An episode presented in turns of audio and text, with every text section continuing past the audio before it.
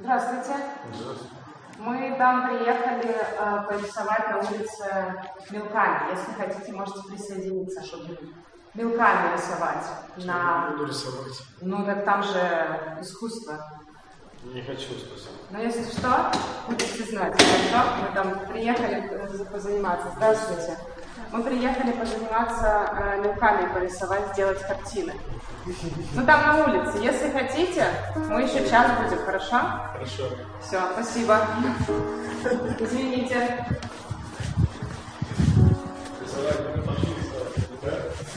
Можете просто прийти посмотреть. Ačiū, kad įsijungėte Nara podcastą. Šis epizodas bendras mūsų ir menų agentūros Artscape kūrinys. Esame pabradėje, užsieniečių registravimo centre. Rūpiučio mėno centre gyvenantis vaikai ir iš Vilniaus atvykę menininkai susitiko kelioms valandoms, kad kasdienę rutiną prablaškytų kūrybinė veikla. Viena iš menininkių, Marija, pasineria į diskusiją su berniuku iš Tadžikistano. Jie negali sutarti, ar ant senelis nupieštas paukštis yra višta ar vis dėlto gaidys. Kuris? Курица. Višta, įsitikinęs berniukas. Вот такой. Курица? Да. Так это петух. Знаешь, петух мальчик, а курица девочка. Tačiau menininkė užtikrintai mato gaidį. Петух, это курица. Почему? Į pokalbį įsiterpęs piešinio autorius išsklaido dviejonės. Tai višta. Ну, у петухов вот здесь такой есть этот. бля-бля-бля. Ага, ну Есть, курица тоже есть. курица есть тоже. Тоже Но есть. у куриц нет. Piešinių pripildyta lenta tampa erdvė skirtingo amžiaus ir patirties žmonėms keisti savo nuomonėmis, mokytis vieniems iš kitų. Я просто куриный университет не заканчивала. Я, заканчивала. я не знаю, я не разбираюсь. Кури- Это ты у нас курица-вет. Так ты возьми тоже э, мелочек и порисуй. Давай тоже курицу нарисуем. Esu Algymantas Černiauskas, dailininkas. E, Man patinka šitas kuklus žodis. Turiu tokį projektą, piešiu su paprasta mokyklinė kreida kartais, organizuoju dirbtuves ir e, kviečiu prisijungti norinčius. Būna paruošta kokia nors didžiulė siena ir piešiu tenai kokią nors akademinį piešinį, o šalia vaikai savo abstrakcijas ir gimsta toksai kažkoks e, stiprios dimensijos, daugias sluoksniškas e, bendras kūrinys, kuomet ten susilieja profesionalus piešimas su, su mėgėjišku, ten ekspresyviu ir ten jungiasi ir, ir tai yra labai gera priemonė kažkokiam emociniam pasakojimui vystyti. Kryda, jinai va, dar jos grožis, tai kad jinai yra trapi. Tai yra to vat, bendro kažkokio būvio efektas, to bendro kūrinio, kuris yra laikinas. Jisai nelieka kaip e, kokia Berlyno siena ten paskui ilgiems metams kaip atminimas, bet tam kartu.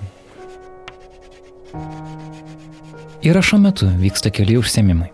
Į juos kviečiami ir suaugusieji, tačiau šiandien susirinko tik vaikai. Kas prisijungs prie užsiemimų, iš anksto suplanuoti sunku.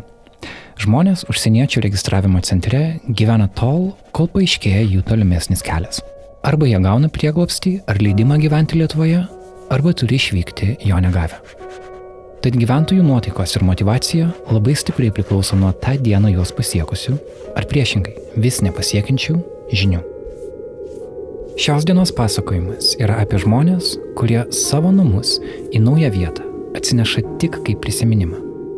Taip pat apie menininkus, pasitinkančius šiuos naujų namų ieškančius žmonės. Tai pasakojimas apie susitikimą laikinuose namuose pabradės užsieniečių registravimo centre ir bandymą įveikti neužtikrintumo keliamus iššūkius. Su jumis Martino Šulskutė. Ir Karolis Višniauskas. Temą tęsime su Aukse, pabradėje dirbusią 2019 metais. Aš esu Auksė Luišaitė Jauniškė. Šokio judesio ir kūno terapeutė. Nors Auksė šiuo metu projekte nebedalyvauja, bet jos darbo patirtis pabradėje yra ilgesnė nei šiemet prisijungusių menininkų. Šių metų menininkams nuosekliai dirbti sutrukdė tai, kad karantino metu į užsieniečių registracijos centrą pašaliniams patekti buvo draudžiama. Auksė dalyjasi patirtimi Kaip šokis padeda sukurti erdvę, bendrauti skirtingiems žmonėms. Judesys juk gali būti kaip kalba. Kiekvienas tautos šokis, šokimo stilius, jis yra kalba. Ir, sakykime, mes pabradžiui su to, vad galim ir sušnekėti, vieną šoką taip, kitą šoką taip, ir mes esam turėję tokių labai fainų patirčių. Kitas dalykas, aš manau, jisai kultūriškas yra kaip kūno kultūra, nes tas judesys jau yra kiekvieno kūno tam tikra, sakykime, kultūra. Mano kūno kultūra aš judu taip, kito kūno kultūra yra taip, bet tai jau yra vėl, kaip minėjau, prigimtinis dalykas, prigimtinė judesio kultūra, kokia jinai yra. Ir čia ne ta kultūra, kad vertintis gerai, blogai, tiesiog kaip tas kūnas juda, kaip atskira kažkokia kultūra, na, kūno menas netgi sakyčiau. Ir štai matyti taip drąsiai ir nuvažiavau tenai, kad manęs visiškai negazdina kitas tikėjimas, sakykime. Kitas, man, mane labiau gazdina, kad aš ryšio neužmėgsiu, kad aš nesurasiu, kaip su tai žmonėm susibendrauti, o vat, kad ten jis kitaip atrodo, ar ten kita kalba, ar kiti jo religiniai įsitikinimai, tai jie visi nuplaukia į kitą vietą, nes kūną turime mes visi. Nu kaip bebūtų, vis tiek turim tą visą prigimti, tai jau visiškai vienodą. Jeigu kiekviena mūsų lastelė šoka, pulsuoja, vibruoja, mes kiekvieną šokam. Iš prigimties mes judam. Ir aš manau, kad net nejudėjimas tai irgi yra šokis, tik tai kita forma. Iš principo šokis yra prigimtis. Kaip veikia pati mhm. terapija per judesį ir per šokį? Pabandysiu tokį idealų užsiemimą nupiešti, kaip būtų. Susitikimas, mes turime erdvę tam ir pradžia yra apšilimas, kada mes, sakykime, pradedam kažkaip judinti, šildyti savo kūną, galbūt mums reikalinga energija, galbūt išjudėjimas, perėjimas, nes jeigu žmonės ateina iš kitos aplinkos, jie dar būna kažkur kitur savo mintise, tai visgi čia būtų toks įėjimas, susisiekimas su kūnu. Tada keliam temą, Ir mes leidžiamės tokį inkubacijos periodą, mes pradame jam tyrinėti per judesį, per metaforas, per simbolius. Ir po to, sakykime, kas tai vyksta, tas nusileidimas, tas tyrinėjimas, iš to kažkoks gimsta pokytis, vyksta kažkokia transformacija ir iš tos transformacijos pabaigoje mes padarom integraciją, tai jau tokia būtina, sakykime, sąlyga užsiemimo, nes kitu atveju gali būti medžiaga ar kažkas pakilęs iš pasąmonės, jis pranyksta, nu kažką žmogus judėjo, judėjo, o jis taiga, pažiūrėjau, kažkoks netipiškas judesys, jam visiškai nepažįstamas, aš jį pastebėjau, pats žmogus ne, ir jeigu mes apie tai šnekam, reflektuom, galbūt jam tas netipiškas judesys gali būti labai didelis impulsas pokyčiui paskui gyvenime. Ir va tada būtina ta integracija, nes verbaliai, netgi įvardinant žodžiais, mes integruojam tai, kas buvo pakilę per užsiemimą, mes kaip ir sudedame, leidžiam psichikai viską priimti, nusėsti, surasti tam vietos ir tada dažniausiai tie dalykai nebeima energijos, nebeveikia mums nesąmoningai, ten iš pasalų kažkaip neiššokinėja. Tai čia tai būtų idealus užsiemimas. Nusprendusi vykti į Pabradę, Auksė ne tik turėjo patirties kurti šokio terapiją reikalingą stabilią užsiemimų struktūrą, bet ir buvo dirbusi Junktiniuose Arabų Emiratuose su musulmonėmis moterimis. Ten ji joms pusantrų metų vedė aerobikos užsiemimus.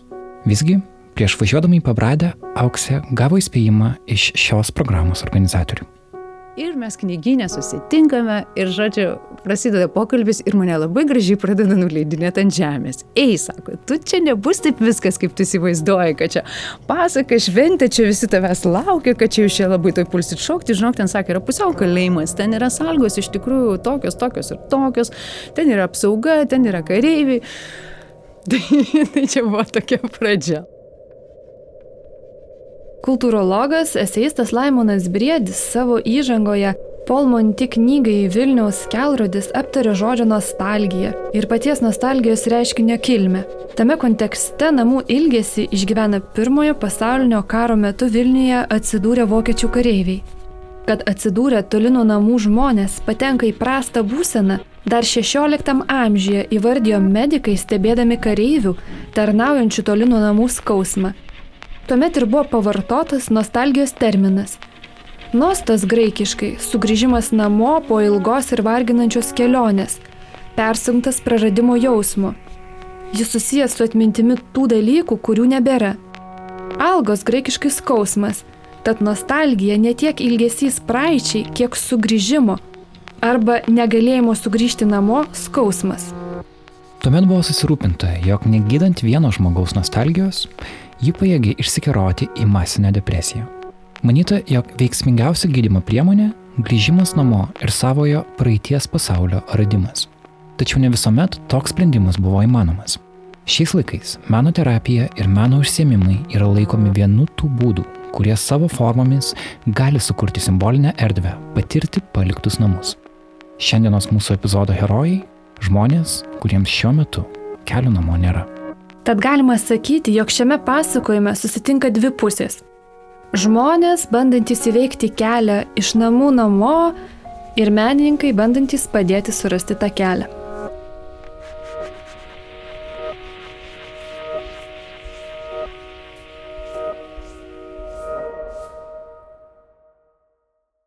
My name is Said. I am from Afghanistan. I live in Lithuania. Sajad užaugo Afganistane, ten baigė mokyklą. Jis antrus metus gyvena pabradės užsieniečių registravimo centre, turėdamas galimybę karts nuo karto iš jo išvykti. I was uh, born in uh, province of uh, Afghanistan. Is Logar. Gimiau Logaro provincijoje Afganistane, bet užaugau ir didesnę gyvenimo dalį praleidau Kabule. From morning up 12 o'clock I to school. After lunch I had a mobile- Kasdien iki 12 valandos eidavau į mokyklą, o po to eidavau dirbti į mobiliųjų telefonų taisyklą. Dariau tai penkerius ar šešerius metus.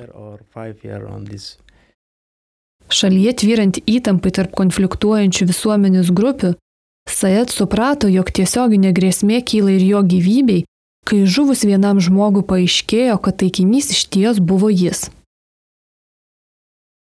we were uh, our Mano brolis buvo kariuomenėje ir dėl to mes buvome nesaugus savo šalyje. say Al-Qaeda arba ISIS grasino mums, labai blogai su mumis elgėsi.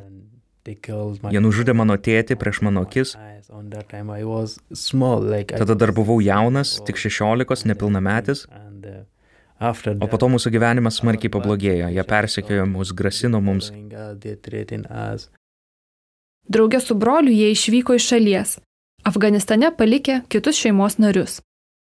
One time I tried to escape of them uh, from Afghanistan and it was long time. Mes nusprendėme pabėgti iš Afganistano. Buvome su kontrabandininkais, bet jie mušė mane ir mano brolį. Pabėgome nuo jų. Pabėgau į mažą kaimą. Nežinojau, kad esu Rusijoje. Paprašiau vietinių žmonių man padėti. Jie iškvietė policiją, o policija pakvietė vertėją iš persų kalbos.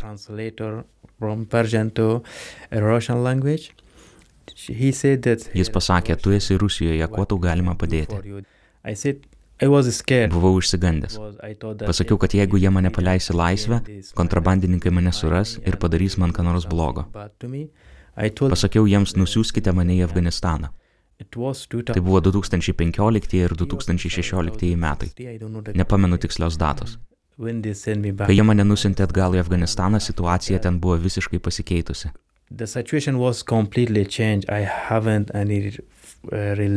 Neberadau jokių artimųjų, neradau savo šeimos. So then I again I decided to leave my country because they went to our pro. Jie, talibanas, atėjo į mūsų namus ir klausinėjo, kur yra šis žmogus, kur jis pabėgo. Turėjau bėgti iš Afganistano antrą kartą. Man padėjo vienas draugas. Ir galiausiai žingsnis po žingsnio atsidūriau Lietuvoje.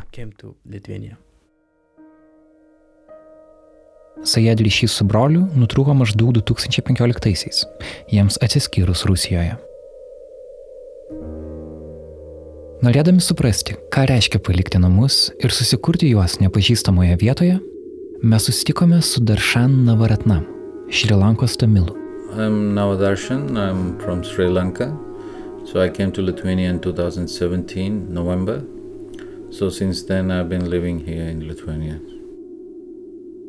Dėl politinio persekiojimo jis pabėgo iš šalies.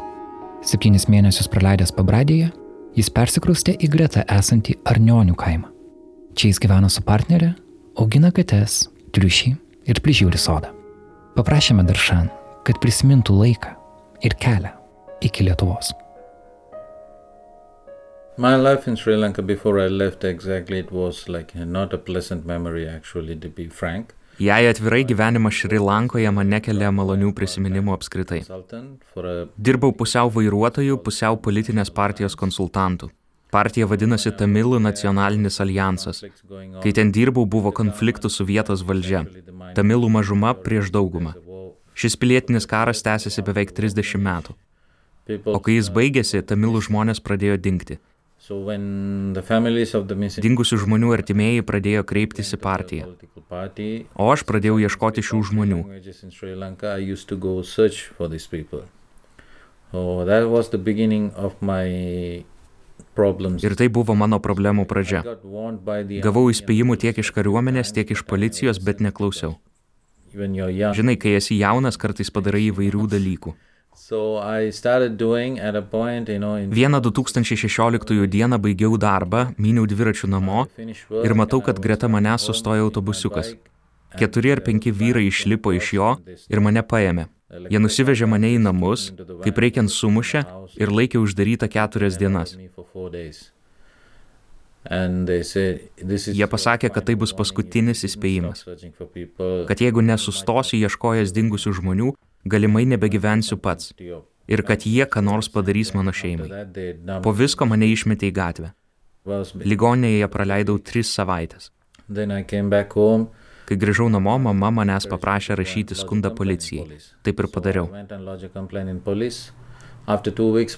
Po dviejų savaičių policija man pasiūlė atsimti skundą, nes jis yra grėsmė mano ir mano šeimos gyvybei. Neturėjau kito pasirinkimo, atsiemiau.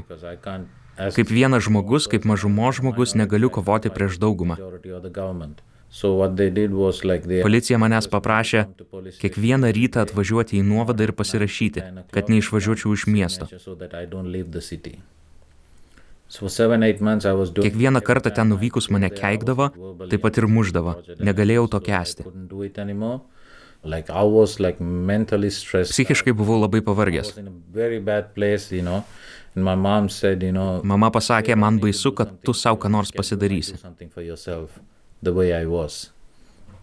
So that was the breaking point. Man tai buvo lūžio taškas. Pasakiau, viskas, gana, turiu išvykti. I need to go somewhere because I can't stay here anymore. So that's how my mom. Norėjau, kad mano mama vyktų kartu, nes ji liktų viena. She's alone, and she's she's stubborn, one stubborn woman, and she said nope. Bet ji užsispyrusi moteris, ji pasakė, ne, aš čia gimiau, aš čia ir numirsiu. Nesijaudink dėl manęs ir gyvenk savo gyvenimą. Daršan mama sumokėjo pinigus vienai agentūrai ir sūnus išvyko iš šalies. Mama liko namuose. Paprastai nelegaliais keliais keliaujančių, namus palikusių žmonių kelionės būna pavojingos. Jas organizuojančių grupuočių veikla dažnai traktuojama lygiavertiškai žmonių priekyba veiklai. Kelyje migrantams tenka pėsčiomis įveikti ilgus atstumus, važiuoti ar plaukti žmonėms nepritaikytomis transporto priemonėmis, kertant sienas mokėti duoklės. Savo likimą jie dažnai turi patikėti į mafijos tinkluose veikiančių gabentojų rankas. Tokių kelionių metu šeimas išsiskiria, žmonės būna sulaikomi, žuva ar dinksta be žinios. Kiekvienas keliaujantis tokiu būdu išgyvena daug rizikos ir patiria baimę ir nesaugumą. Įprasta, jog pasiekę migracijos centrus Europoje, žmonės jaučiasi įsibauginę, nesavarankiški, priklausomi.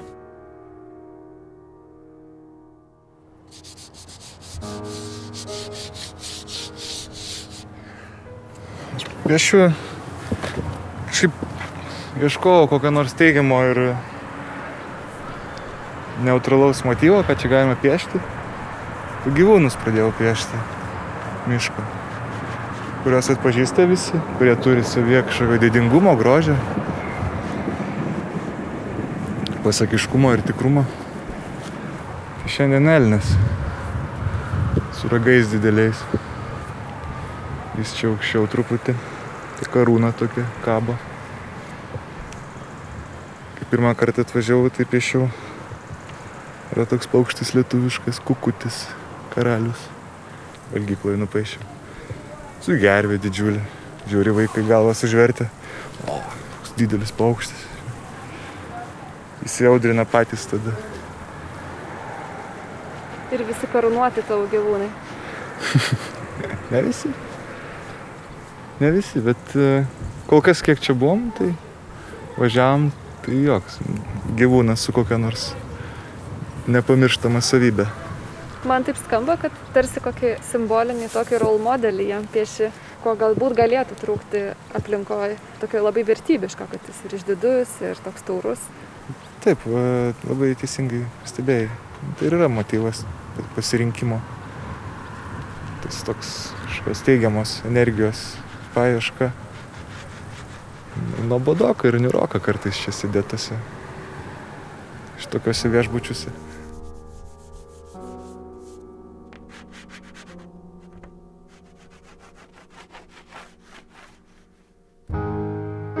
Per vieną iš apsilankimų pabradėje paklausiau Marijos, dirbusios su vyrais sulaikytųjų korpuse, ar iš pokalbių su jais ji suprato, kokius dalykus žmonėms rūpia atsivežti iš buvusių namų. Save. Dabar jiems svarbiausia atsivežti save. Daršan ir Sajad, palikę materialius daiktus kelyje, atvyko į Lietuvą su savimi veždamiesi prisiminimus, kurie čia tampa ir turtu, ir neišspręstų rūpeščių. Savo prisiminimais toliau dalyjasi Daršanu, jis paliko Šri Lanką, kai jam buvo 33. I didn't have a like, you know, fun-filled childhood. Aš neturiu smagių vaikystės prisiminimų. Mano vaikystė buvo apsupta bombų sprogimų ir mirusių žmonių. Mačiau, kaip buvo tempiami kūnai, kaip griuvo pastatai. Tokia buvo mano vaikystė. We both grew up together. Aš ir mano mama užaugom kartu, dviese. Turėjau brolį ir tėvą, bet jie pabėgo, kai man buvo aštuoneri. Tamilų kariuomenė rinko kareivius savo armijai. he was 11 or 12. Mano brolis buvo kiek vyresnis, todėl idealaus amžiaus jaunam kariui. Tėvas buvo išsigandęs, kad mano brolį tiesiog paims, nes jie neprašo leidimų. Jie tiesiog ateina ir paima tavo sūnų. Po jų pabėgimo du metus bendravome, bet vėliau jie dingo. Likščiol nežinau, kur mano brolis ir tėvas yra. No idea where's my brother or father is. So I've never seen them. Nemačiau jų nuo devynerių. Turėjau greitai užaukti, nes reikėjo pasirūpinti mama. First, because I had to take care of my mom. And your, and your father... O tavo tėvas, ar jis apskritai gyvas? I have no idea both of them. Neįsivaizduoju, aš nepamenu, kaip atrodo mano brolio veidas. Now, like, you know, that's Jis išnyko iš prisiminimų. faded away. I do remember my father's ways. Tėvo veidą prisimenu, bet brolio nekiek.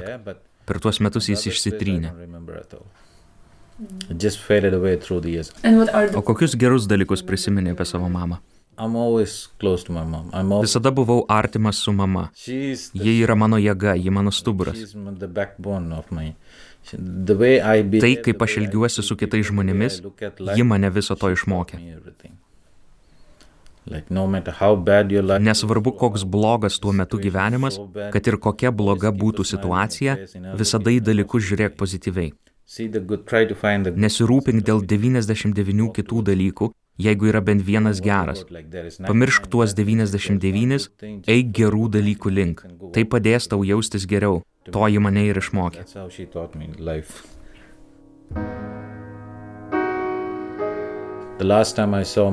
Paskutinį kartą savo mamą mačiau 2017 rugsėjį.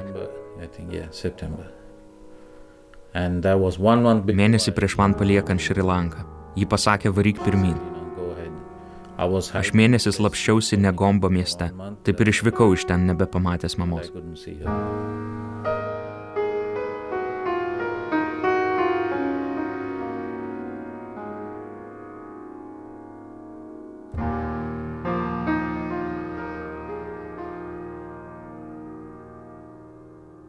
Aš kiekvieną kartą ten nuvažiavus, praeidama tą kontrolės punktą, pakliūdama į tą sulaikytojų patalpą ir paskui, kai jas atveda ir kai išveda, aš visai kaučiuosi, Dieve mano, aš taip gerai gyvenu, aš turiu tokią laisvę, nes man vienas iš turbūt sunkiausių gyvenime dalykų būtų, jeigu suvaržytų mano laisvę. Ir aš galvoju, Dieve mano, aš dabar grįžtu namus, aš turiu šeimą, viskas yra gerai, mano tėvai sveiki, mano dukra ten sveika, viskas fainai gerai, kokios čia problemos gyvenime. Žmonės iš viso neturi kur gyventi, jie neaišku, ten nuo savo kultūrinių šaknų atitrūkę, jie galbūt valgo ne tą maistą, kurie norėtų, galbūt sergiams nesaugu. Ir Iš tikrųjų šitas dalykas ir aš manau, kad nu, neįmanoma padaryti turbūt iš mano pusės to lygiavertiškumo, kad būtų, jis vis tiek lieka, jis vis tiek, nu, lieka mano tos privilegijos laisvai judėti, laisvai ateiti ir išeiti ir, ir, Tik tai tiek, kad aš nu, stengiuosi jų nedemonstruoti bent jau sąmoningai ir nu, nenoriu to demonstruoti, gal daugiau jo, o tą lygiai vertį santyki labai bandau sukurti.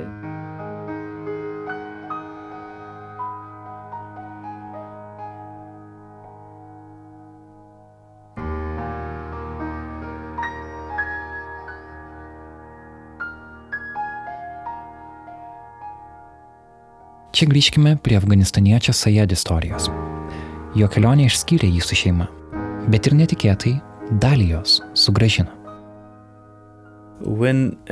Lithuania, you know, like, uh, time, Kai atvykau į Lietuvą, mane ir keletą kitų žmonių sulaikė pasienyje. Papasakojau jiems apie šeimą ir apie brolį. Viena moteris Ji iš manęs ėmė interviu ir pasakė, užrašyk prašau savo brolio vardą, pavardę ir gimimo datą. Kai tą padariau, ji pasakė kažką radusi kompiuteryje. Ar tai tavo brolis? Aš jo nemačiau daugiau nei septynerius metus, negalėjau atsakyti. Paprašiau, kad jei turi nuotrauką, parodytų man. Po kelių minučių jie atspausdino man tą nuotrauką.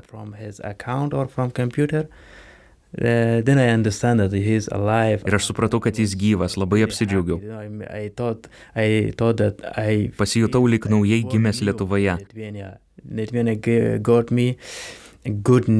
Lietuvoje sužinojau kažką gero apie savo gyvenimą. Niekad nežinojau, ar mano brolis yra gyvas ar ne, bet po septyniarių metų jį radau. Ta moteris man pranešė, kad jis gyveno Lietuvoje, gavo dokumentus. He got document and Wow. Ir tai buvo puikia žinia ir aš pamiršau viską, kas man buvo nutikę blogo. So you met after seven years? After seven years wow. I met, you know. Po septyniarių metų nesimatymų Sajed galėjo paskambinti savo broliai. Tai padaryti padėjo Raudonojo kryžiaus darbuotojas Marius. Tada jis paskambino mano broliui, paklausė jo, ar pažįsti žmogų vardu Sajed. Kai pirmą kartą jį išgirdau telefone, persiškai pasakiau jam labas. Net verkiau iš laimės. Marius klausė manęs, kodėl verkiu, atsakiau jam, negali suprasti mano jausmų, ne iš liūdėsio, o iš laimės verkiu. Happy, you know, like Juk po septyniarių metų atradau savo brolį, tai nuostabus dalykas. Po vieno ar dviejų mėnesių jis atvyko į Lietuvą ir pakvietė mane išeiti į lauką.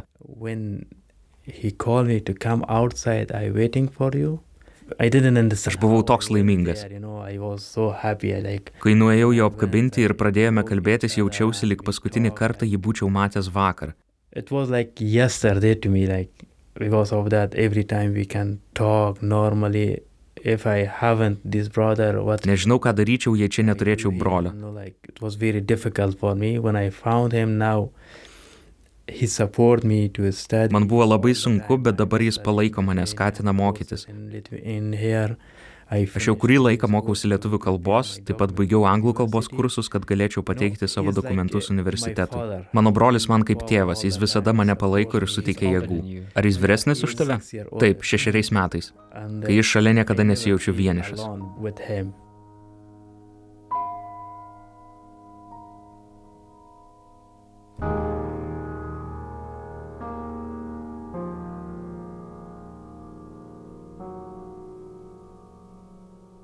Savo straipsnėje Creative Arts Therapies as Temporary Home for Refugees Tyrėjas Rebeka Dieterich Hartwell ir Sabina Sikoch pabrėžia, jog žmonėms, kurie patyrė išsiskirimus, paliko namus, svarbu veiklose suteikti struktūrą.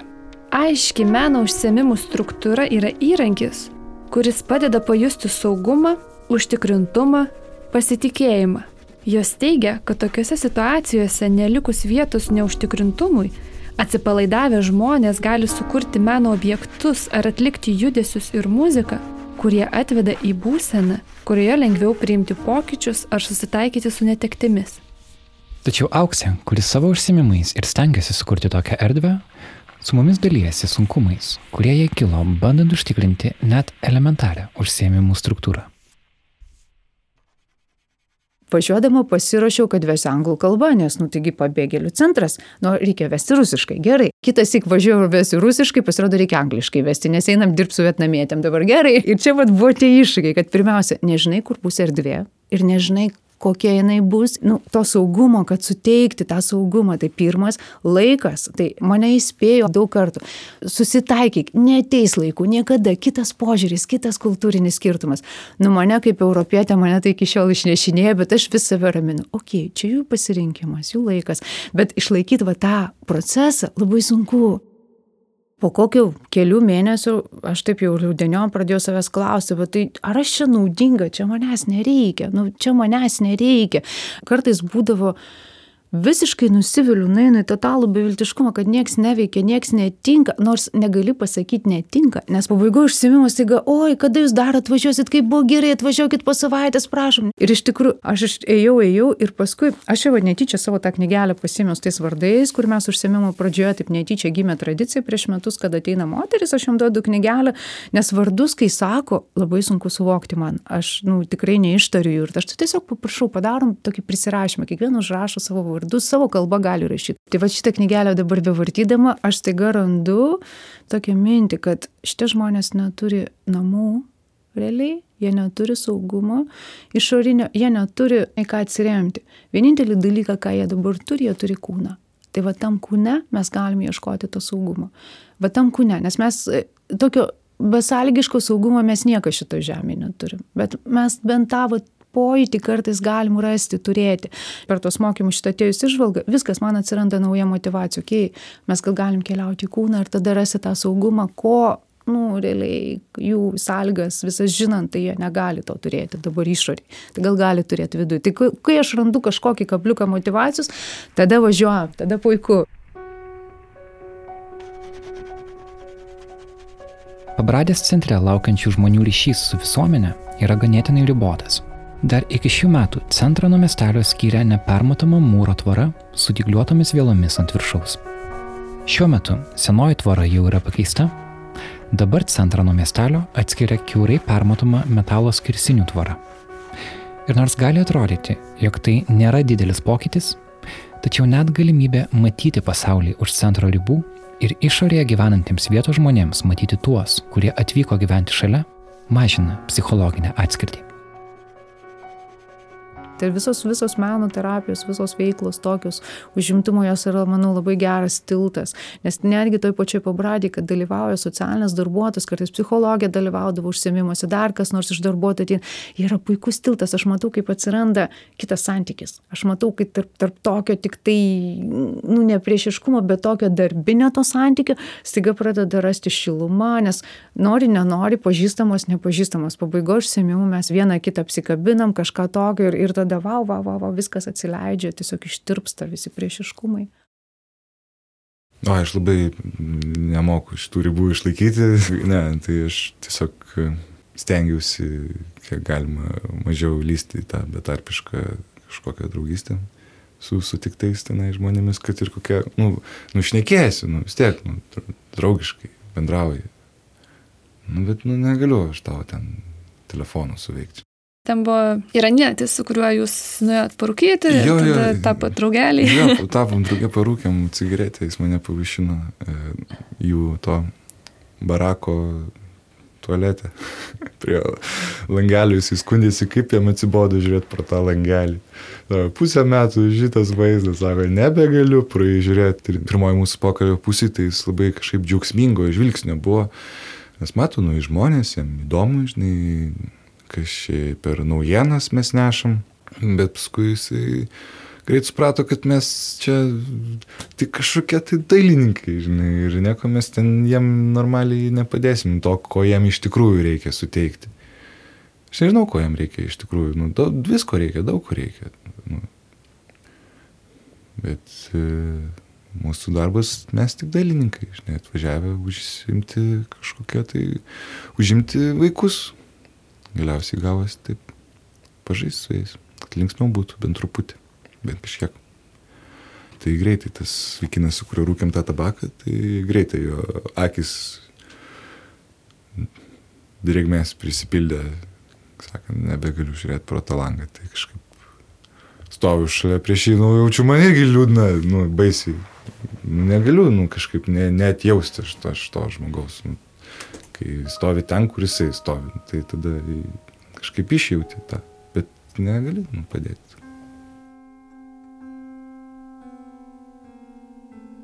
Kai lauki prieglopščio prašymo patvirtinimo arba jo atmetimo, nuolatinė palidovė yra vienatvė, vienišumas. Sayed ir Darshan apie tai pasakoja plačiau. You know, uh, first thing that I missed my family. Pirmiausia, pasilgau savo šeimos. My father or died, my mother. Netekau tėčio, mamos. I have sisters, brothers. Bet turiu brolių ir seserų, kurių pasilgstu, nes neturiu galimybę su jais susisiekti išskyrus vieną brolį. Kai kurie iš jų iškeliavo kitur, bet aš nežinau kur.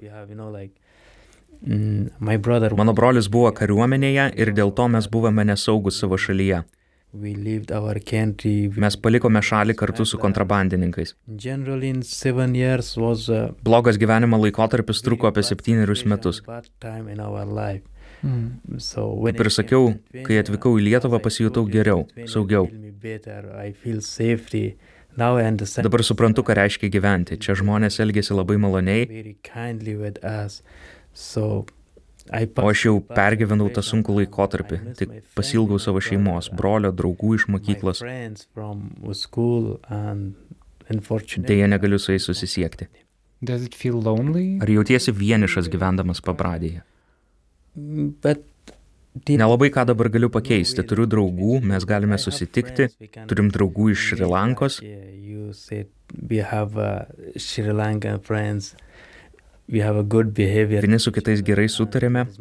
Yra nemažai draugų Vilniuje. Kai pasijuntu vienišas, nuvažiuoju į miestą, pasivaikštau, savaitgaliai susitinku su kuo nors. Viskas iš esmės gerai. Bet labiausiai vienišas jaučiuosi dėl to, kad šalia neturiu šeimos narių.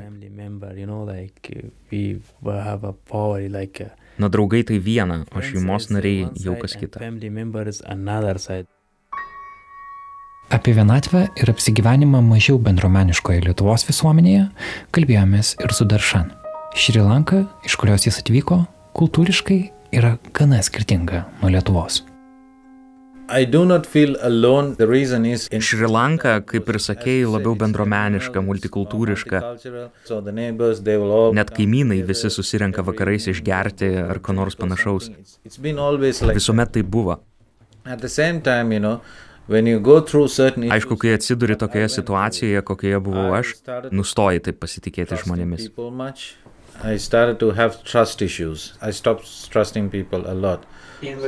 Lietuvoje? Ne, Šri Lankoje. Nežinojau, kas gali durti man į nugarą, kas gali padėti. Nesakau, kad nepasitikiu lietuviais. Iš tiesų labiau pasitikiu žmonėmis Lietuvoje nei Šri Lankoje. Dėl to mėgaujuosi izolaciją, vienatvę.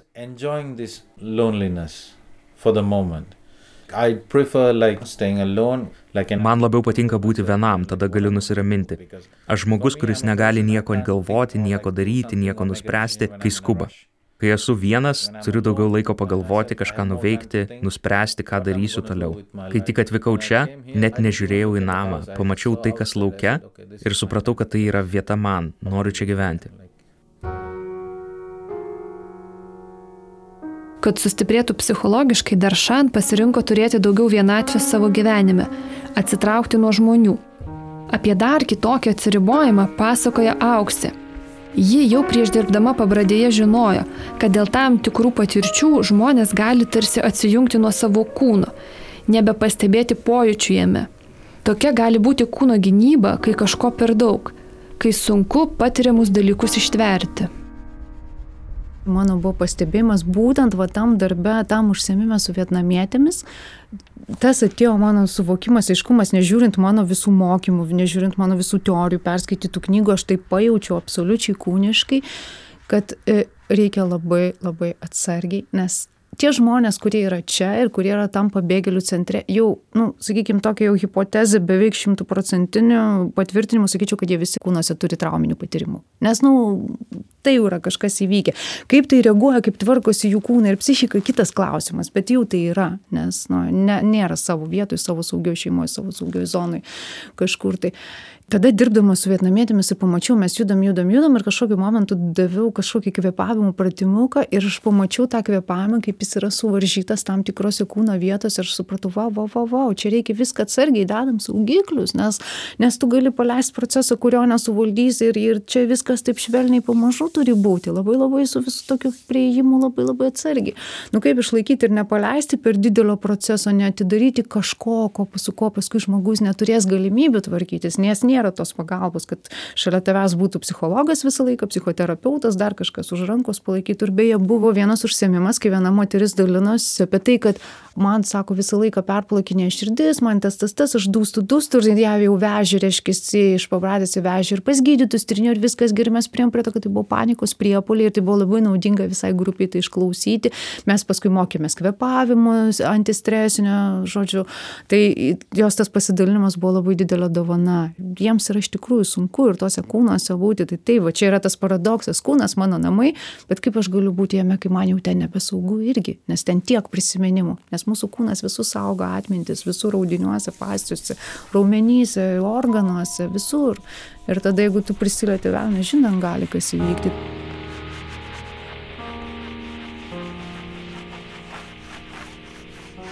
Užsiemimas prie medinės sienelių struktūros, nuo kurios pradėjome pasakojimą, nebuvo pirmasis Algymanto piešimas kartu su pabradės centro gyventojais. Pavasarį jis kvietė žmonės prisidėti prie piešinio ant valgyklos sienos. Valgykla yra ta vieta, kurioje susikerta ir prasilenkia keliai visų tuo metu centre gyvenančių žmonių.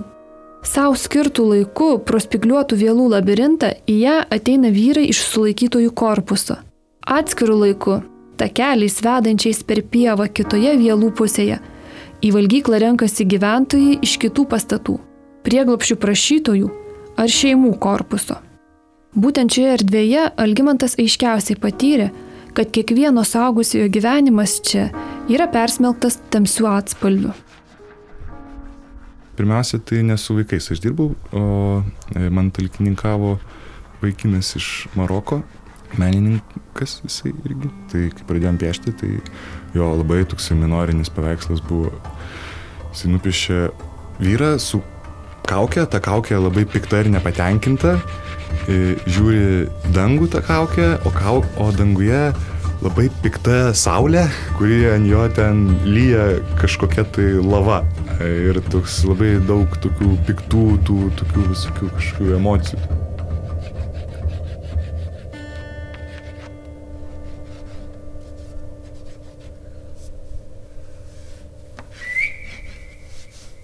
Aš tenai piešiau pats paukščius. Tai tiem vaikam tai įspūdis iš karto, o čia iš karto paukščiai atsiranda ir jie tenai pra, į tą sieną irgi pratrūko piešti ir ten, ten gyvūnai, ten saulės, tenai veiksmų visokiausių, ten žydį gėlės, ten širdelės, ten nu, ne, neįtikėtini gyvenimo džiaugsmo tokie apraiškos jų tuose piešiniuose ir to marokiečio menininko piešinys tarsi nu, man būčiau į nekiek netkreipęs dėmesio, e, jeigu nebūtų iškart čia šalia prieš pastatydinta visiškai ta priešinga vaikiška gedra emocija. Matosi, kad tie vaikai dar yra, nu, ne, dar ne kažkaip, nu, nesužaloti, nesutraumuoti gyvenimo ir kažkaip labai nu, mane tai ten tada giliai sujaudino tas e, proveržis ant tos sienos ir ne tik mane, bet mačiau, kad apsauginis šalia su, e, su automatus, ar neatsimenu, gal buvo automatą, bet, nu, ginkluotas, nes apsauginis stovi ir Ir kažkaip e, jam irgi ten gašara išsispaudė, žiūrint į tos mm. pražydusius vaikų kūrinius, o už lango, žinai, ten ta spigliuota vėla. Nu, begalinis trapumas, absoliutus trapumas būties, žinai, nes jie taip iš savo namų išvaryti dėl kokio nors e, tragiškų aplinkybių, ar tai dėl karo, pavyzdžiui. Ir e, namai yra trapus dalykas, nu, nes visi bėga dėl to, kad nu, jie negali būti namuose, nes jų ten nebėra arba tiesiog reikia nežintis, reikia kažkur bėgti. Ir taip pat supranti, ir kad ir čia Lietuvoje mes irgi nesam apsaugoti nuo tokio scenarijaus, kad irgi vieną dieną reikės kažkur bėgti. Nu, vien ten ta atominė jėgainė ten kyla. Nu, neaišku, žinai, kaip čia gali viskas būti. Absoliučiai. Пупок у Мишки. Да, да, да, да, пупу. Ну это его же рисунок. Чё ты? О, Это смотри. уже не Мишка какой-то. Ногу. Че? Ногти. Nors iš namų dauguma išvyko dėl ten patirto skausmo, tačiau tam, kad rastų savo vietą naujoje visuomenėje, kitų kultūrų žmonės turi iš ankstesnių namų atsinešti tai, kuo juose buvo stiprus. Kartais vyko kokie 3-4 tokie užsiemimai, kai moteris m, išsiprovokuodavo šokti savo šokius. Nu, pavyzdžiui, aš ten uždedu per apšilimą kažką ten, nu, ten, sakykime, per septynės sonarių grupės ar ten kažkaip išjudint kūną, taip toliau. Ir jau matau, kad jau juda, juda, juda, juda kažkas, okei, okay, ir staiga kuri nors tai tik pačios pasiūlo, o galim, va, yra muzika, jos staiga pradeda, ypač čečienės, beje, jos žiauriai mėgsta, va, savo tos šokius, jos tikrai plaukia kaip gulbės. Atneša telefoną, uždeda savo muziką, tada aš prisijungiu, nu, tada jos pakikena iš mano ten to mokėjimo, nemokėjimo, aš paprašau vyrų partiją, kad mane išparodytų, kaip vyrai šoka kaip pereliai, tada žodžiu galiu paponuoti su jomis. Ir tai būna labai labai faina, tada, tada kita, kuri nors išdrįsta, tada dar įsijungia tą ratą ir matosi jos kaip ponia šoka nuostabiai. Daugumoje iš tikrųjų šoka savo tautos šokius, mes taip turbūt lietuviai savo tų tautinių šokių nežinom, kaip, bet kai kurios tautos jos išlaikė tą lastelėse, net atrodo, kaulų čiūpose tą savo tokią tą tautinę, nu, nežinau, tą identitetą tokį, žodžiu, to šokimo.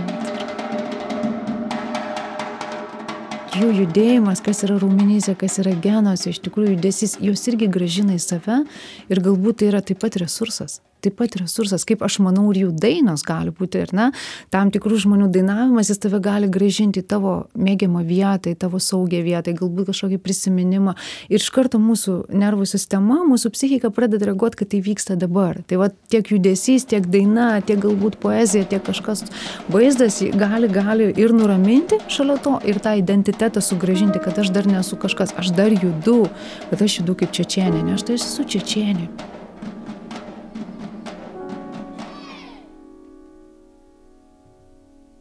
Do you have things in, in Pabradė that remind you Ar yra dalykų pabradėje, kurie primena apie tavo gyvenimą Afganistane? Galbūt kažkas iš tavo ankstesnio gyvenimo, kažkas, ką atsivežiai čia. I have one, I bring with Kartu atsivežiau vieną daiktą - liemenę, kurią man pagamino sesuo. Kai keliavau, palikau daug drabužių, nes negalėjau visų pasimti. And uh,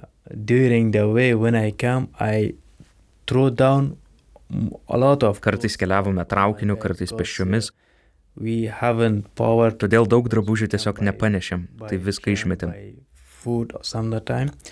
So we have a lot of clothes we can't handle ourselves.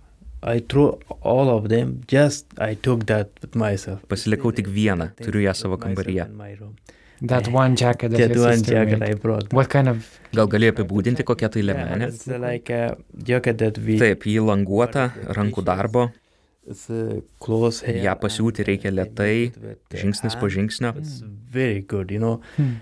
It's like uh, when I look them, Kai pažiūriu į šią liemenę, prisimenu savo šeimą. understand that I feel my family, you know, like how they make it step by step. Like it's took long time that she make step by step, you know, like was it like a Ar tai buvo dovana tau? for your, yeah. It Taip, tai buvo dovana.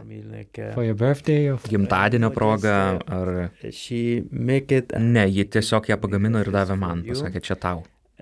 Uh, uh, Mūsų kultūroje nebuvo įprasta švęsti gimtadienių, dauguma vis dar to nedaro.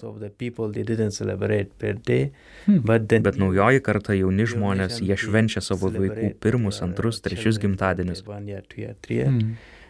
O ji tiesiog taip nustebino mane. and uh, I never uh, threw it down. Ir aš niekad nepalikau tos lemenės, laikiausi jos net ir blogiausiose situacijose ir atsivežiau čia.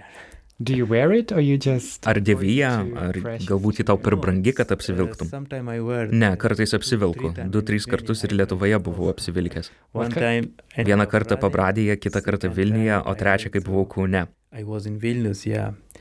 third time when I went to Kaunas last year, it was the first. Praėjusiais metais ten vyko festivalis, tai ir apsivilkau. I wear that. Hmm. Do you have pictures? O ar turi šeimos, sesers nuotraukų? Uh, no, I Ne, nuotraukų neturiu, nes negalėjau jų atsivežti ir tuo metu net neturėjau telefono, nes jie įrašinėjo mūsų pokalbius. that picture, and uh, on that time I haven't phone to use because they are recording our So- phone, calling, anything. So I haven't anything. So the memory is only. Tai savo šeimos veidus prisimeni tik mintise. It's only in your memory. The faces of your family. Taip, dažniausiai veidus, nes nors ir nemačiau jų penkerius, šešerius metus, ir jų veidai pasikeitė. uh, bet kai pagalvoju apie juos, jaučiuosi taip, lyg jie būtų šalia. Jų veidai visada mano mintise. like we feel i feel that they are with me we talk like in the past for example we can say our mind is going went to uh, in the past then we come back like this our their face all those in my mind Are you afraid that you're gonna. Ar bijai, kad vieną dieną pamirši tėvų veidus? The, the faces of your. Of your parents, of I your, don't- Nemanau. of your sisters? Seserų? i don't Nemanau. so. yeah time Taip, laikui bėgant žmonės pasikeičia, jie užauga ar pasensta, bet aš žinau, kad nepamiršiu jų. Tai mūsų šeima, mūsų kraujas. Negalėčiau to pamiršti. Mhm. because it's our family our blood we couldn't forget Apie mamos prisiminimą ir kalties jausmą kalbamės su Daršan.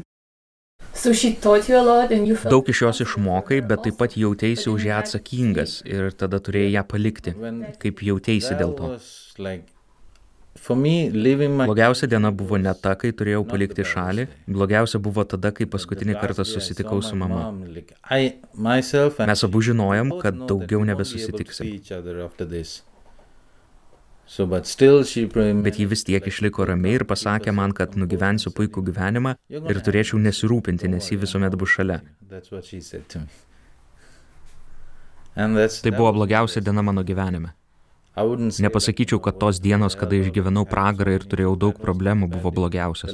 Paskutinė diena, kada mačiau savo mamą. Tai buvo blogiausia diena mano gyvenime. Ar turi kokią jos nuotrauką ar kažką, kas primena apie ją? Um, no, Ne. That's- Viskas tavo prisiminimuose. Viskas mano prisiminimuose, nes vaikystėje neturėjome daug laiko atsisėsti ir palisėti, kažką fotografuoti. Mūsų vaikystė buvo visai kitokia. Jei dabar sutinku kažką iš pusbrolių, paklausiu jų, ar turi kokią nuotrauką. Juk gali būti, kad kažkas atsitiktinai kažkaip mus fotografavo. Tai ir paprašau, kad jei turi kokią nuotrauką, atsiųstų ją man. I even like I was scared for like two years. Dviejus metus net bijojau su ją susisiekti, nes jos mobilusis galėjo būti sekamas. Žinot, kaip ten nuolat įrašinėja seka. All those things are going on because for them I'm a Ir criminal. jie tai daro, nes jiems aš esu nusikaltelis, pabėgęs iš Šri Lankos. Dėl to jie nuolat manęs ieško. Ar tu palaikai ryšį su mama? Iki praėjusių metų. Ji mirė praėjusiais metais. Užjaučiu. Yeah, I couldn't do anything. Taip, aš nieko negalėjau padaryti, toks gyvenimas. Turi priimti realybę, bet iš kitos pusės aš laimingas. Jaučiuosi taip, lyg ji būtų čia, o ne ten. I wouldn't want her to Nenorėčiau, kad ji viena kentėtų ten. Tai lyg ir džiaugiuosi, kad ji iškeliavo ir dabar yra kažkur čia, su manim. somewhere here with me. So if I go Jei ten nuvykčiau dabar, malonių prisiminimų nebesusikurčiau. Tik dar labiau pasilgčiau savo mamos šalia. Neturiu noro grįžti į Šri Lanką, nes viskas, ką gero prisimenu, susijęs su mama, o jos nebėra. Nenoriu grįžti ten be jos. Kai mačiau ją paskutinį kartą, sakiau jai, kad vieną dieną ji iškeliaus su manimi ir gyvens kaip karalienė mano paties namuose. Rūpinsiuosi ją visą likusį gyvenimą. Bet taip nenutiko. you know it didn't happen. So there's always Nuolat gailiuosi. Tai ir yra priežastis, dėl kurios nenoriu grįžti. Nesu emociškai pasirengęs vėl pergyventi tuos laikus,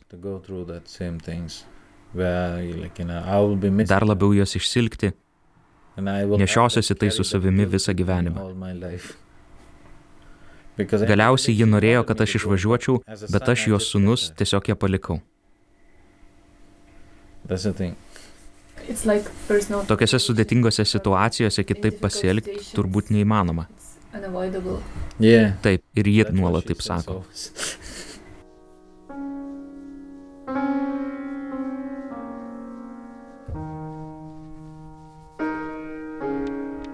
Mintise palinkėti geros kloties neplanuotai išsiskyrus, auksiai reikėjo išmokti. Tarp moterų susikūrė ryšiai, pradėti terapijos procesai, pats moterų bendrabuvis. Viskas nutrūksta joms gavus atsakymus į prieglopščio prašymą. Praeitą vasarą buvo, kad susiformavo gana stabili moterų grupė, kurios laukia, sakykime, ateidavo tos beveik tos pačios, jų nedaug, viena ateidavo su dukrytė netgi ir kai tie patys žmonės atsirado kažkokia jungtis ir tada jau, jau kaip ir laukdavom viena kitos, kaip sakant, užsiemimų ir netgi viena iš jų, kadangi man atrodo iš Azerbaidžano buvo su dukrelė, jinai mediko išsilavinimą turi, plus ten baigus kiniečių medicinos kursus, jinai pradėjo pati dalintis apie visokius savimasažo taškus, viską, kita dar kažko dalinasi ir tada atsiranda tas, kad ne vieną aš vedu, erdvė atsidaro iniciatyvą joms ir tada aš matau tą jungtį ir sakau, žiūrėkit, sakau, taigi jūs galite, vad būdamas tam bendrabutį, vad jinai gali parodyti visokių masažų, jūs galite naudotis ir matosi, vad atsiranda jungtis tokios. Tai va čia aš mačiau labai didelę tokį džiaugsmą, naudą ir aš pati pradėdavau laukti tų užsimimų ir atsimenu, kai atvažiuoju, va tam geram nusiteikimui ir šastijos nei vienos nėra. Bet su gera pabaiga, nes kažkas gavo čia prieglopsti gyvenimą Lietuvoje, kažkas kažkur va jau Vilniui, kažkas Rūklai.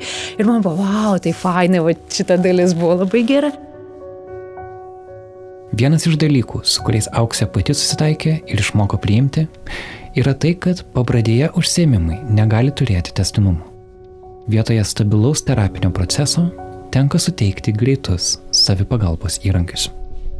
Jau dabar važiuodama nebedarau jokių planų, tik tą valandą kelionės aš pramedituoju, iš, bandau intuityviai išjausti, kas bus erdvėje, pasiruošiu įrankius, kaip dirbti, na, sakykime, apart judėjimo, tai visą laiką pasiruošiu įrankius, ten antistresinį kvepavimą, relaksacijos iš tikrųjų tam, kad kas turi trauminių patirčių, truputį palengvinti būseną, nervų sistemą nukrauti, na, įvairiausių tokių ieškau dalykų tam tikrų įrankių, kad žmogus paskui galėtų žinot, kad okei, okay, jeigu man dabar didžiulis stresas arba mane čia, sakykime, prasidėjo panikos ataka arba dar kažkas, aš atsimenu, kaip galiu kvepuoti, uždėjus rankas ten, ten, ten, arba kaip save apkabinti, arba kurioje vietoje ką nusikrauti.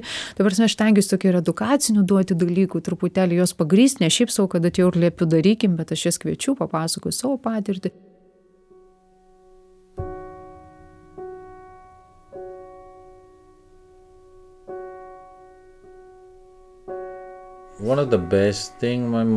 Vienas geriausių dalykų, kurių išmokė mano mama, tai gaminti labai gerą Šrilankos maistą. Aštrų. To niekad nepamiršiu.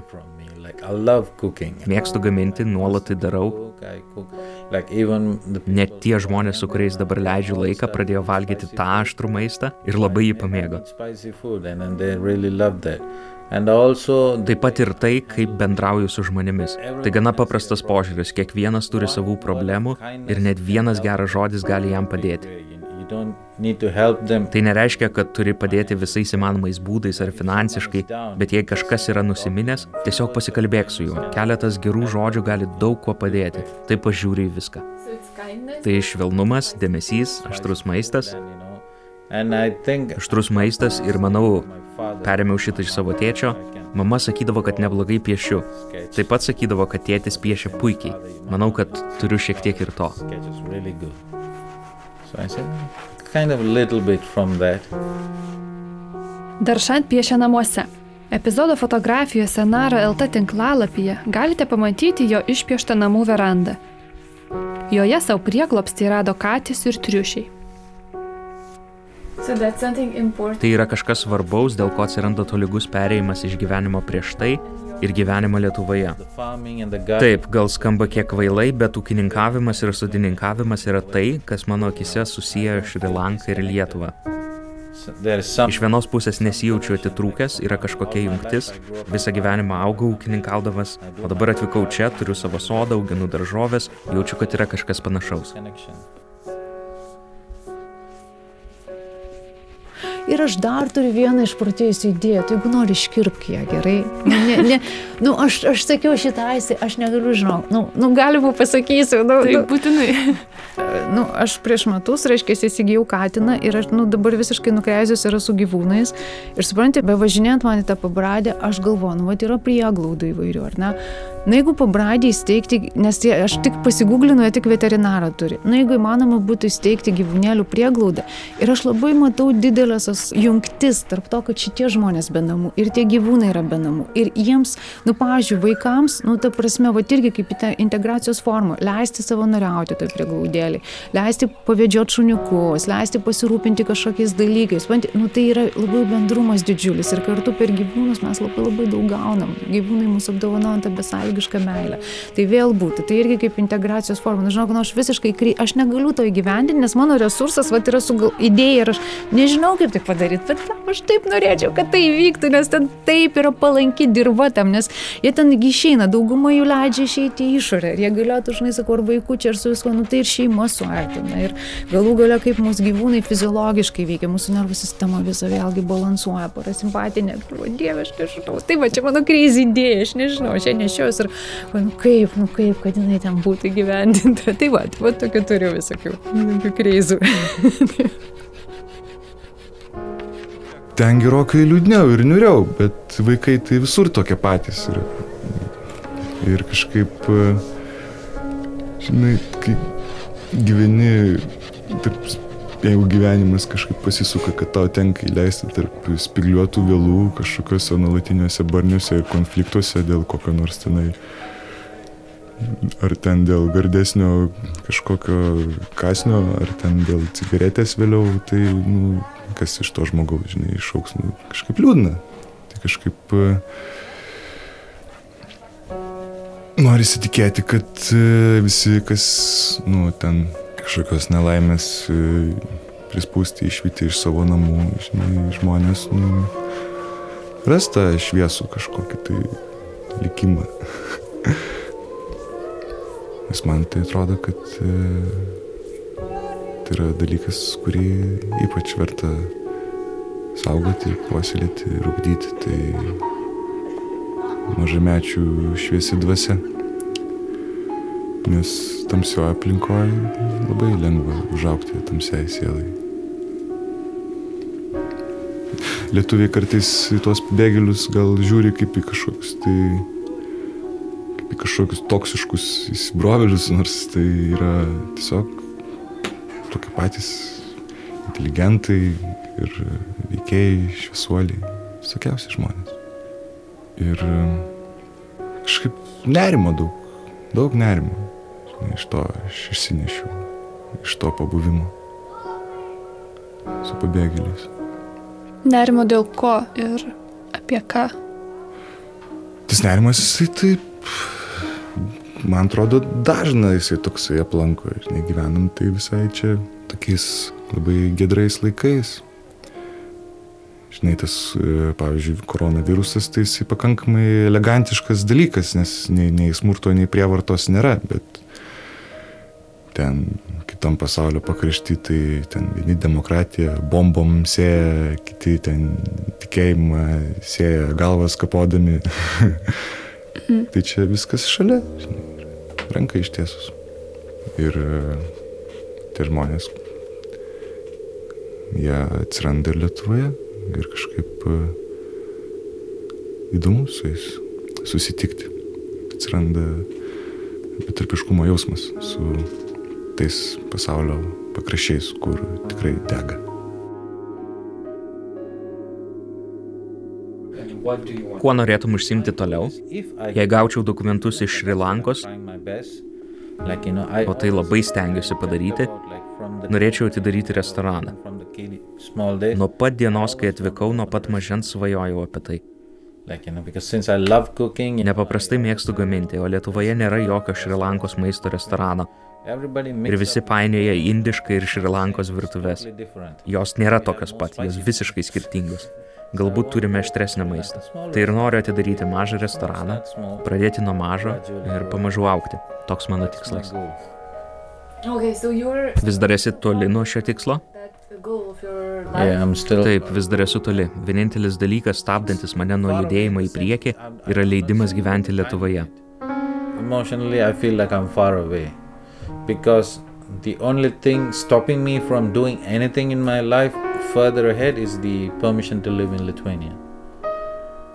If I get permission, Jei gaučiau tą leidimą, pradėčiau viską daryti, pasitikėčiau savimi. Juk vis dėlto reikia kažko, už ko galėtum tvirtai laikytis. to hold on to do something. Now, for the moment, Šiuo I, metu nieko panašaus neturiu. Plūduriuoju kažkur. What makes Lithuania O dėl ko Lietuva tinkama tavo svajonėms? In Jei pagalvoji apie verslo perspektyvą, tai čia neturiu jokios konkurencijos, nematau jokio šrilankietiško restorano Vilniuje. Galbūt yra Kaune, bet nemanau. Taigi verslo atžvilgių neturiu konkurencijos.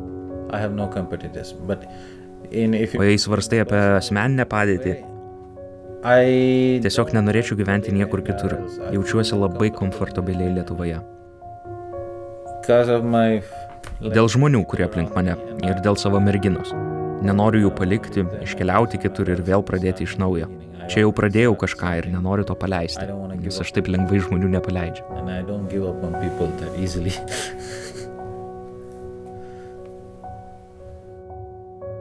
Я думаю, что для Бежица, потому что если граница откроет, здесь полный и все. Раньше говорят, что тут даже на улице спали людей. Да. И на улице. Гуф так Tuo laiką darom daugiau šitų, kad visi galėtume fotografuoti su jais. Aš turiu. Aš turiu.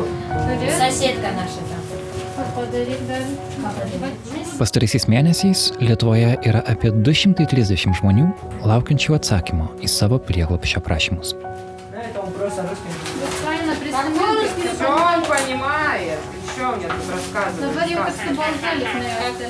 Toks mūsų epizodas šiandien. Jį rengiau aš Martyną Šulskutį. Jie padėjau aš, Karolis Višniauskas. Epizodo garso režisierė yra Kata Bitoft. Už studiją dėkojame nacionaliniai Martino Mažvido bibliotekai. Epizodą rengiame kartu su menų agentūra Artscape. Ačiū jos darbuotojams Aistei Ulbei ir Jevai Šlektavičiūtei. Už konsultacijas dėkojame Ingai Rantsovai. Sajed ir Daršan interviu išvertė Patricija Skurdenytė, o jų žodžius įskaitė Karolis Pilypas Liutkevičius. Podcasto muzikos kompozitorė yra Kata Bitoft. Tinklalapyje Naro LT pamatykite pašnekovų fotografijas. Taip pat kviečiame išgirsti ankstesnius mūsų epizodus apie migraciją. Pavyzdžiui, kava su kardamonu. Tai pasakojimas apie sirų šeimą besikūrenčią naujus namus Jonavoje. Jeigu jums patinka tai, ką girdite, kviečiame palaikyti mūsų darbą adresu patreon.com/narlt. Mūsų 100 dolerių per mėnesį patronai yra Ramūnė Tam ir Blossom Wood Foundation. Iki kito karto. Iki. Борода упала с ножница. Я твоя борода с ножницами украл. И все будет нормально будет.